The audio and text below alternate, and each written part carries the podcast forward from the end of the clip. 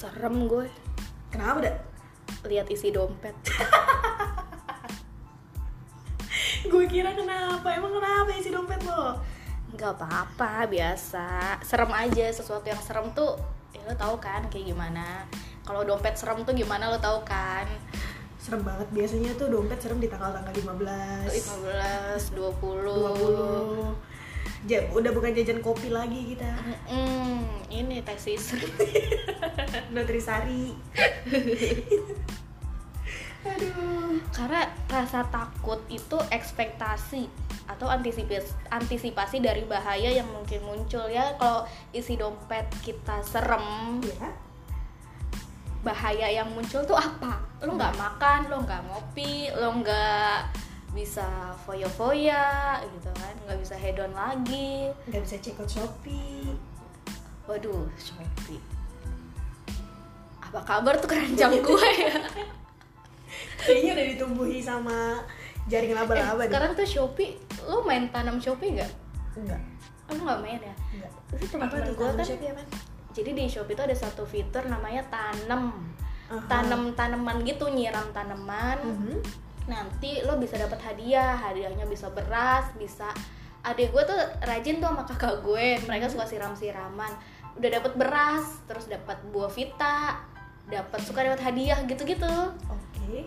Nanti ada levelnya gitu. Nah sekarang di shopee itu keributan antar sesama pengguna shopee adalah rebutan air. Rebutan air? Buat nanam-nanam itu? Iya. Oh. Ya itu kayak misalnya lo punya tanaman nih biasa gue siram. Nah ntar kalau biasanya nyiram balik gue gitu sistemnya. Nah sekarang tuh gue bisa ngambil air lu tapi hadiahnya bisa ngambil air terus hadiahnya tuh real kayak kan kalau mainan hadiahnya ada di mainannya juga gitu kan Heeh. ini real lo dapet beras gitu iya dapat gue dapat kiriman beras dapat kiriman jus bener kan itu bener orang gua udah. Oh. makanya si Hana juga kan sering Heeh. masalahnya gue nggak nggak mainan Shopee gue nggak download juga kan Hmm. jadi tuh dia ngirim ke gue gue suruh adek gue disiramin tanamannya Hana gitu. tanamannya Hana Lela gitu terus ntar mereka suka pada siram balik gitu nah sekarang tuh sistemnya rebutan itu rebutan air. Ya, oh. di Twitter itu sering banget ada namanya akun teks dari online shop. Oh ya itu gue sekali lihat. Iya kan? Itu mereka ngechat tuh berantem ngeributin air. Wow udah the next level e-commerce ya berarti ya Sophie. Gila sih maksud gue ya nggak usah sampai ribut segitunya juga kali. Jadi masalah lu nggak nyiram balik gue terus lu ngambil air gue gitu. Kayak gitu permasalahannya. Ampun deh. Pelik pelik nah dari rasa ketakutan gue tadi tuh akhirnya gue lagi mengalami rasa takut juga nih. Akan apa tuh? Jadi ya setiap manusia pasti punya rasa takut. Ketakutan yang sudah lama gue alami adalah eh, gue takut sama kecoa. Sama gue takut sama sesuatu yang horor. Ya. setan ya bisa dibilang kayak gitu. Gue tuh sebenarnya nggak mau nyebut sih Will kenapa sih lo sebut? Karena lo takut dan gue gak takut aja. Oh, gitu. makanya gue sebut. Takut antara dua itu. Kalau lo takut sama apa Will kalau yang pertama sih gue takut dompet gue nggak ada isinya. Itu ketakutan gue yang pertama. Yang kedua gue tuh takut kalau ruangannya sempit ruangan yang nggak ada ventilasi langsung kayak jendela gitu Mm-mm. itu itu gue bisa sangat cemas di dalam ruangan itu. Lo sampai ngerasa secemas itu? Sampai ngerasa berdebar sih. Udah. Kayak debar kayak cemas aja gitu nggak tahu kenapa itu kayaknya. Itu lo sugesti atau gimana? Atau lo nonton film ke bawah-bawah? Kalau gue takut horor karena pasti gue habis nonton film. Dulu kan gue tuh sering nonton di sini ada setan lo nonton oh iya yang kayak kita Slavina ya Aju ya? Iya, si Anya. nah kita Slavina Thomas Nawilis Hmm. Marsha Didi Tengke Riyadi. Wih, Didi Riyadi. Ya ampun mereka apa kabar gitu. Itu yang paling gue sampai ingat sekarang itu adalah Mm-mm. eh, pas episode setan yang pak kepalanya putus yang di lift tau gak lo yang di Aduh, lift tuh ke, ke- dia kejepit ketutupan lift gitu terus sampai naik ke atas gitu. Aduh, ya. serem itu serem, serem banget sih menurut gue yang kepalanya sampai copot gitu. Dia matinya gara-gara itu justru jadi setan itu Oh, gue pikir yang hantu jeruk purti itu dah. jeruk perut juga ada ya? Mm-mm, yang kepala yang sempat booming dulu Oh, iya, iya, kepalanya juga sama nggak ada juga dia. Enggak enggak bukan. Karena itu tuh dia kecelakaan di lift. Itu sih sampai gue takut ke kamar mandi dulu kan waktu kecil. Mm-mm. Makanya gue udah kapok sih nonton film horor udah hampir nggak pernah gue. Terakhir tuh nonton Mengabdi Setan. Maaf di sana. itu juga traumatik banget iya kan? ya. si ibu tuh. Si ibu. Itu ketika lo ngerasain ketakutan itu sama nggak kayak gue? Deg-degan aja bawaannya. Terus sama nggak bisa ngapa-ngapain nggak bisa tidur kepikiran gitu oh lo jatuhnya kepikiran ya. Kepikiran kayak takut. Iya deg-degan bawaannya terus nggak nyaman aja misalnya gue mau tidur. Nggak nyaman. nggak nyaman terus kayak ngerasa ada yang diliatin gitu kayak di kamar mandi nggak nyaman. Nggak berani lihat kaca. Ih, lebay banget. Lebay asli. Terus akhirnya eh ya udah makanya gue apa nggak mau lagi namanya nonton film horor karena takut kepikiran. Mm-mm. sampai sekarang adik gue tuh suka banget nonton film horor. Suka ada kan film-film di TV tuh sekarang serial-serial gitu itu malah masih ditontonin juga. Udah gue mendingan gue masuk kamar gue nonton yang lain deh. Terus sama eh, yang kedua tuh gue takut kecoa. Kecoa. Pasti cewek-cewek banyak yang takut kecoa. Ya itu juga salah satu gimana ya kecoa tuh? Kecoa kalau lagi terbang itu serem banget. Serem banget karena nggak bisa ditebak nih arahnya dia ke mana nih terbangnya nih. dan sebenarnya dia tahu gak sih kita ngejar-ngejar makanya gue tuh kayak iya sedia eh, gimana ya pasti gue teriak sih kalau ada kecoa pasti gue teriak. Kalau ada orang ya Hmm. jadi gue berharap orang itu mematikan itu kecoa ngusir atau segala macam dan kalau kecoa itu belum mati gue masih belum tenang.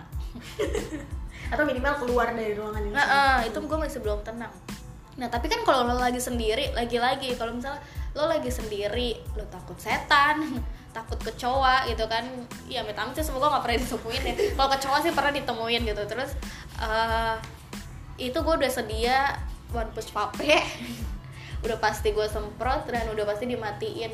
Dan buat eh, ngebuang keluar atau masukin ke WC kita flash itu kan perlu pemindahan ya. Iya. Ya kan? Perlu pemindahan entah lo butuh sapu atau tangan lo sendiri mungkin aduh udah deh. Aduh. Takut juga gak sih sama kecoa? Gue geli geli. Soalnya pernah dulu gue tuh eh, di jalanan kalau habis hujan itu kan kecoa pada keluar ya biasanya ya. Mm-mm. nah di jalanan tuh ada kecoa nggak sengaja keinjak langsung krek gitu.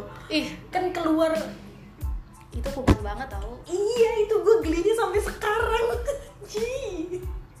kalau bisa sih jangan ketemu lagi kalau bisa. Cuma sama kayak lu dah. Kalau lu kan udah tahu nih wah nih ada aktivitas kecoa di dalam ruangan ini gitu. Lo one push kalau jagoan gue baygon. Aduh jagoan gue baygon. Gue udah tidur waktu itu gue sempet ngalamin di kosan gue juga. Itu lampu udah mati semua cuma gue lagi main handphone. Mm-mm. kresek iya itu kan kerasa banget ya sih pergerakannya. Iya pergerakannya tuh padahal halus banget cuma kita tahu kan. Heeh. pasti lo waduh kecoa nih. Pelan pelan gue cari jagoan gue di mana. Semprot. Kalau gue sih gitu sama. Terus lo ngeluarinnya gimana teman ngeluarinnya pakai sapu. Pakai sapu gue keluarin atau eh, pakai jadi gimana ya ini kamar mandi gue nih. Nah itu gue tatakin dulu pakai apa gitu sesuatu gue sapu ke situ terus gue buang. Jadi gue nggak mau kontak langsung lah intinya. Iya sebenarnya gitu sih. Iya Iya. pakai sapu. Kalau gue iya itu one push vape plus sepatu gue. Hah? Sepatu lu diapain? Gue tepok kan dia. Oh iya gitu. Jadi emang harus ditepok pakai sepatu. Udah kayak main badminton. Gitu. Tek baru dia tuh di kita sapu keluar dan ngelihat proses dia dari mulai yang lincah terbang-terbangan gitu apa enggak jalan-jalan gitu kita semprot kan dia langsung gitu ya? Iya. Kayak kayak apa tuh namanya? Sempoyongan gitu kan? Iya kayak sempoyongan terus dia langsung telentang gitu rasanya lega banget sih kalau gue. Kalau gue belum lega sampai dia keluar atau mati atau gue flash ke WC gitu sih. Oh. dan lu pernah gak sih? Lu bunuh satu kecoa tiba-tiba kecoa yang lain pada datang iya. Iya kan? Kenapa ya? Gue nggak tahu? Gue pernah gitu kayak sering deh bunuh satu kecoa. Ternyata belum selesai bo. Ada lagi datang dong gue nggak tahu Iya itu kenapa temen-temennya, sih. gue ngerti. Dia ada kontak tersendiri apa gimana kayaknya ada kode-kode deh. Dia lagi dalam keadaan bahaya atau gimana mungkin ya temen-temennya ya. Ih sumpah tapi iya ampun gue merinding kalau ngomongin kecoa. Pernah gue sampai gak tidur tidur sampai malam karena ngurusin itu. Ngurusin kecoa. Kenapa itu? Gue bunuh satu yang lain ternyata ada lagi ada lagi gitu. Ih Astaga. Sebenarnya kayak astagfirullahaladzim kenapa sih gue mau istirahat gak bisa gitu kan asli Selain takut sama kecoa, ada nggak binatang yang spesifik gitu yang lo takutin? Iya, paling binatang gua sih singa, buaya. Nggak ada juga di sekarang di keseharian kita. Tapi kalau waktu itu gue pernah ke kebun binatang, gue emang gak berani mendekat. Gue ya itu ya sugesti ya gue takutnya tiba-tiba tuh buaya keluar atau tuh singa loncat dari pagernya Tapi lo punya hewan peliharaan? enggak Nggak punya juga. tapi emang suka ada kucing oh, kalau di- kucing kan kadang suka datang dengan sendirinya Suka ada makan sih kucing. biasanya kucing mah. iya itu btw gue punya gue beli makanan kucing padahal gue nggak punya kucing. lah Pengen aja gue beli makanan kucing. oh lu suka ngasih kucing-kucing di pinggir jalan gitu ya Eh, Street feeding gitu lah. Soalnya gue pengen pelihara kucing di kosan, nggak boleh kan sama ibu kos. Hmm. Terus gue pelihara kucing di rumah juga kata nyokap gue janganlah rumah udah kayak kebun binatang. iya emang bener nyokap gue juga nggak suka kalau pelihara kucing eh kucing binatang Kalau di rumah gue, bokap gue udah pelihara burung banyak. oh Jadi nyokap gue kayak, aduh jangan jangan binatang lagi, jangan binatang lagi kayak gitu. terus apa dong pelihara yang lain Pelihara saldo rekening. biar gak takut lagi ngeliat saldo. Nah gue juga akhirnya mencari-cari eh, ketakutan-ketakutan yang dialami umumnya pada manusia. Apa aja tuh? ada salah satunya ketakutan di tempat begitu ramai. Ada ya orang kayak gitu? Ada. siapakah itu? Gue. Tapi eh, ketakutan gue akan keramaian itu nggak mutlak gitu loh. Gue juga masih masih cari formulanya. Karena kalau misalkan gue ketakutan di tempat ramai ketakutan di tempat ramai gitu gue kan lebih cenderung menghindari kontak sosial ya. Tapi gue nggak gitu juga gitu. Eh, kayak gue pernah jadi guru kan nggak mungkin guru ngajar private gitu. Nggak mungkin juga gitu. Kita ngajar di kelas yang banyak 40 sampai 50 siswa ya Daya mm-mm. kalau misal gue juga sering ketemu ketemu ketemu orang buat urusan kerjaan kayak gitu cuma kalau untuk aktivitas personal misal kayak gue lagi pengen duduk di kafe yang kerja kerja di kafe gitu kerja di coffee shop atau di kafe Mm-mm. kalau misalkan ramai itu gue otomatis balik muter balik tuh Hmm. gue nggak mau terus apa lagi ya gue makan pun Mm-mm. ketika gue cari tempat makan yang walaupun tuh makanan seenak apa pun kalau tempatnya rame aduh gue mendingan cari tempat makan lain. Itu lo sebenarnya itu lo antara tidak takut eh antara lo takut atau tidak nyaman? Ketakutan itu bukannya berasal dari ketidaknyamanan? Gitu ya. Tapi beda lo rasanya. Kalau nggak nyaman tuh kayak lo masih eh kita masih bisa ngejalanin walaupun nggak nyaman. Tapi kalau takut kan udah nggak bisa banget tuh. Udah nggak bisa banget ya. Heeh. Mungkin kali ya. Nggak nggak tahu gue itu. Nggak nyaman atau takut? Tapi lebih ke arah nggak nyaman kayaknya ya itu Maya lebih ke nggak nyaman sih. Karena kalau takut itu ya itu tadi sampai lo ada bahaya nanti yang mungkin akan muncul. Hmm. kalau misalnya lo di tempat rame tapi tiba- misalnya lo takut kayak temen gue gue pernah ngajak dia nonton konser udah kayak gue berdosa banget deh kenapa tuh gue pernah ngajak dia nonton konser itu rame banget kan Hmm. tempat konser itu rame banget dan gue nggak tahu kayak dia belum makan deh Mm-mm. gue juga sebelum makan juga sih kayak udah makan tapi kayak cuman ya makan seadanya Hmm. gitulah terus eh, sebenarnya kita tuh bertiga tapi gue datang berdua sama dia temen gue satu lagi belum bisa masuk karena nyari parkir katanya di parkir di mana nih dah yaudah di mana aja lah lu udah nyampe masuk Nggak nggak masuk. nggak jadi masuk Hmm. gitu ya udah gue udah dapet tempat spot nih buat nonton gitu sama temen gue ini. Terus yaudah dah gue udah masuk gitu. Gue di sini ya kata dia kayak gitu. Oh gue di atas lu cari aja ke tempat atas. Tuh ya dia ntar gue cari jalan karena emang rame banget. Terus temen gue dengan inisiatif gue nyari Dea ya temen gue namanya Dea. Gue nyari Dea ya dah. Lah terus gue gimana? Udah lu di sini aja jangan ke mana-mana. Masalahnya kan di tempat rame juga sinyal susah ya. Iya pun gue sama dia itu SMS-an akhirnya nggak bisa WhatsApp balik ke zaman batu terus terus akhirnya untung sesama provider tuh kayak Hmm. gratis apa gimana gitu gue juga gak tau karena sekarang SMS mahal bo. Iya sekarang. Bisa 200 300 terus udah dia nyari bilangnya nyari temen gue nggak tahu dia makan. Udah lo udah ketemu De- Dea? Enggak belum dah gue di tempat makan ya gitu. Terus "Eh, iya gue makan dulu dah gitu wah kata gue nih gue sendirian gitu. Temen gue juga sendirian. Jadi kita nonton konser bertiga tuh sendiri sendiri semua yang gitu. satu di mana yang iya yang satu satu di mana yang satu di mana. Terus ya udahlah gue juga teringat karena dia pernah pingsan gue nggak tahu sih eh, karena gue lupa sih kejadian apa. Karena kecapean sih intinya kecapean. Dan dia pingsan terus nggak nggak tahu kenapa dan daripada nanti merepotkan gue juga di situ jadi ya udahlah biarin dia makan dulu. Terus akhirnya baru ketemu pas setelah konser itu selesai orang udah pada bubar baru kita ketemu dan itu dia kapok. Gua- dia nggak mau gue ajak lagi. Berarti kalian nikmatin konser itu sendiri sendiri dong? Sendiri sendiri gue mau nyanyi juga. Udah kagak apa enggak udah hore-horenya udah gak terasa ya? Orang-orangnya udah nggak- dia, dia ketemu gue tuh pas udah udah mau akhir-akhir. Gue ketemu temen gue yang satu ini. Sama dia tuh masih kepisah. Oh alah. Iya tuh mungkin kalau itu jatuhnya udah takut. Udah bukan nggak nyaman iya karena kalau tiap dia gue ajak man ke sini yuk gitu. Kan ke sini yuk. Nggak ada rame nggak ada rame gitu-gitu terus alasannya dan kayaknya dia artis kali mungkin. Karena emang dia mungkin takut sama keramaian jadi ya udahlah. Bisa jadi. Dan di umuran kita 25 tahun 25 sampai dengan 26 tahun Hmm, hal terbesar ketakutan terbesarnya itu takut gagal gak sih? takut gagal tapi justru kalau kata orang kata Hmm. kakak-kakak gue banyak nih berarti kan ada berapa tuh? Kalau kakak kandung sih cuma dua. Kakak ketemu gede? Ya itu kakak-kakak gue. Eh, bilangnya ya udah dah mumpung masih muda justru lo gagalnya sekarang aja nggak apa-apa daripada lo udah nanti udah tua atau udah nggak muda lagi. Mhm. lu baru gagal kan kayaknya udah terlambat nggak sih gitu jadi gagal sekarang nggak apa-apa. Cuman ya rasa takut itu pasti ada. Takut gagal takut bahkan mungkin gue sudah mengalami kegagalan banyak banget sih. Dan dibilang takut atau trauma hampir mungkin. Takut atau trauma hampir. Oke. hampir.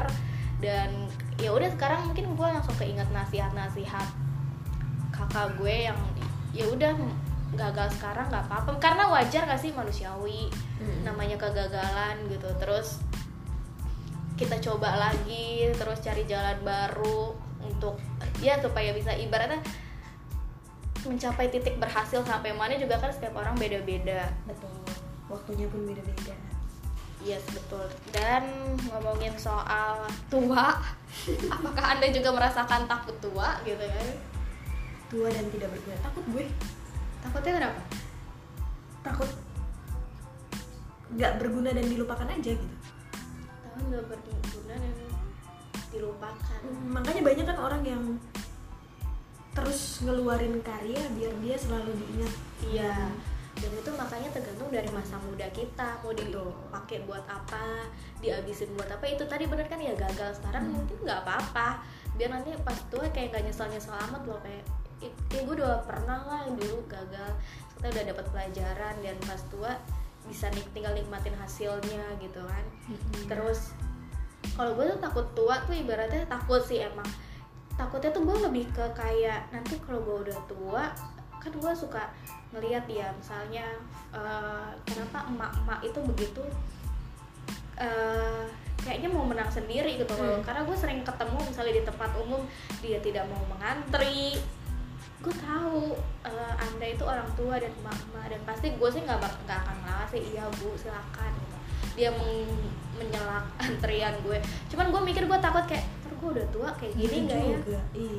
Gitu. Maksudnya kenapa sih orang tua kayak gitu? Kenapa sih emak-emak kayak gitu? Dia eh, maksudnya mikir nggak sih kalau antri itu harus gitu dan dari belakang gitu kan? Gue lebih takut ke situ sih. Lebih takut ke eh, egonya karena udah tua jadi egonya jadi makin tinggi terus nggak mau ngantri jadi nggak mau eh, nurutin peraturan gitu kan. Atau bahkan malah ya itu jadi kayak eh, gimana ya namanya fisik kita udah tua tuh kayaknya udah nggak bagus lagi atau nggak Hmm. gimana lagi. Mungkin dia nggak mau ngantri karena fisiknya emang udah nggak kuat jadi pengen dimengerti. Gue takut kayak gitu jadi kayak ntar gue bisa masih kuat gak ya? Udah tua tuh jalan-jalan sampai kayak gini kayak gini. Itu sih yang gue takutin. Nah makanya ada eh, untuk mengantisipasi itu kita ada pencegahan-pencegahan yang kita lakuin sekarang. Mungkin kalau sekarang tapi gue juga jarang olahraga gimana dong? Biar jadi kuat atau biar jadi gimana? Atau biar jadi lebih sehat gitu ya? Eh, paling eh, jaga makanan. Untung sih gue milih-milih kalau makan. Hmm. Jadi nggak apa aja dimakan terus dibilang olahraga ya kecil-kecilan doang sih. Jadi kayak misalnya biar nanti fisik yang kuat biar nanti bis masih bisa ngantri gitu masih bisa berdiri atau gimana ya semoga kita kuat dan semoga kita ngerti gitu. Jadi ketakutan-ketakutan kayak gitu tuh takutnya kan malah dianggapnya tuh mama malah jadi omongan kan sama Hmm. anak-anak seumuran kita atau sama teman-teman kita. Jadi kayak ih kenapa apa sih lo mama kayak gitu banget? Gitu kan. Ah, ah, ah. toh kita juga nanti akan jadi mama nggak mau juga kan lo diomongin kayak gitu. Mungkin itu yang dinamakan tua itu pasti dewasa itu pilihan. Oh ya bisa jadi sih. Berarti dia emang udah tua tapi kurang Kurang dewasa. belum dewasa gitu. Jadi egonya maunya diikutin aja itu sebenarnya kayak ada juga yang bilang kalau kita udah tua ya kayak balik lagi masa kecil. Eh bal- kayak balik lagi itu aja ke masa kecil. Pengennya dilayanin dimengerti dan diduluin gitu kan. Oh. ya cuman ya gimana? Kalau misalnya dia kalau sama keluarga ya oke lah is oke pasti. Toh bisa dimengerti keluarga gitu. juga pasti akan mengerti. Tapi kan kalau udah di tempat umum lo ketemu sama orang-orang yang nggak lo kenal gitu kan jadi ngeri juga. Iya sih tapi lu ada cara-cara khusus nggak untuk mengatasi ketakutan lo? mengatasi ketakutan gue yang pertama yang kayak gue takut horor oke gue nggak akan nonton film horor ya lagi lagi terus yang kedua yang takut sama kecoa itu Mhm. gue akan menjaga ruangan gue sebersih Mungkin. mungkin semuanya karena ya sekarang apalagi juga zaman sekarang kan emang semuanya harus bersih ya serba Mhm. bersih supaya tidak ada kuman-kuman dan tidak ada kecoa terutama. Betul. Terus kalau gue takut tua eh takut gagal ibaratnya eh, gimana ya kalau takut gagal tuh emang pasti udah gagal gitu terus takut itu kayak di lebih banyak ngobrol sih kalau gue ngobrol sama orang. Orang-orang yang udah berhasil ya dulu saya juga gagal gitu. Tapi saya kayak gini kayak gini kayak gini gitu kan Sharing? ya lebih banyak sharing sama orang ngobrol sama orang sama kalau takut tua gue ngobrol lagi sama ada beberapa temen gue yang gue rasa dia udah tua nih tapi kok lo kelihatannya masih muda ya terus Hmm. kelihatannya lo masih fit ya atau masih apa ya itu mungkin kita harus belajar kayak tipsnya apa gitu Hmm. terus untuk menghadapi kedewasaan dan nantinya jadi tua tuh kira-kira bakal ngerasain di sisi psikologisnya tuh akan jadi seperti apa atau fisiknya tuh jadi seperti apa. Oke. Kalau lo gimana? Eh, kalau kalau gue tadi kan gue takut di ruang yang sempit sama yang pertama dulu deh ya. Sorry nih ya gue tuh emang orangnya suka loncat-loncat gitu jadi otak gue udah nyampe mana tapi gue di mulut gue tuh masih kayak gitu jadi agak random emang.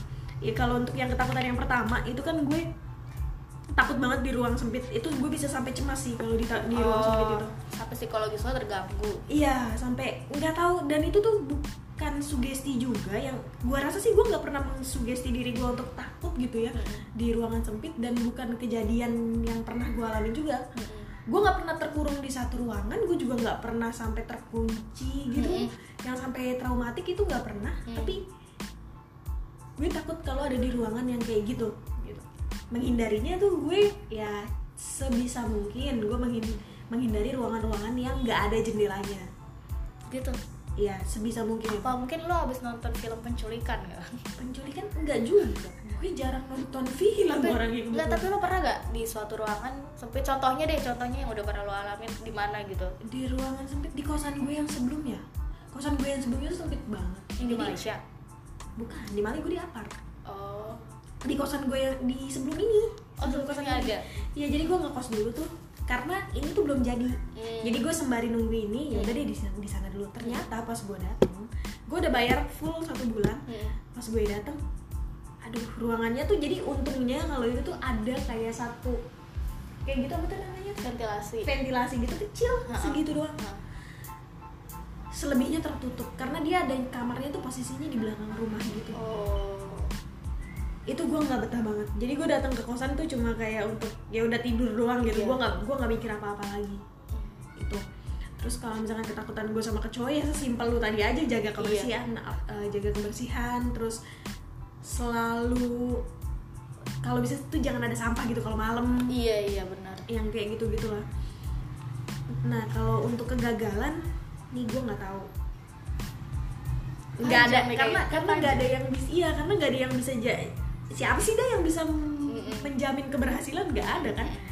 Itu udah urusan Tuhan gitu. Udah bukan urusan kita. Untuk takut tua cara gue menghadapinya adalah minggu ini baru mulai minggu ini sih gue. Berarti kalau ini keren, dua minggu lah ya keren. Emang gue ngapain? Nggak, belum.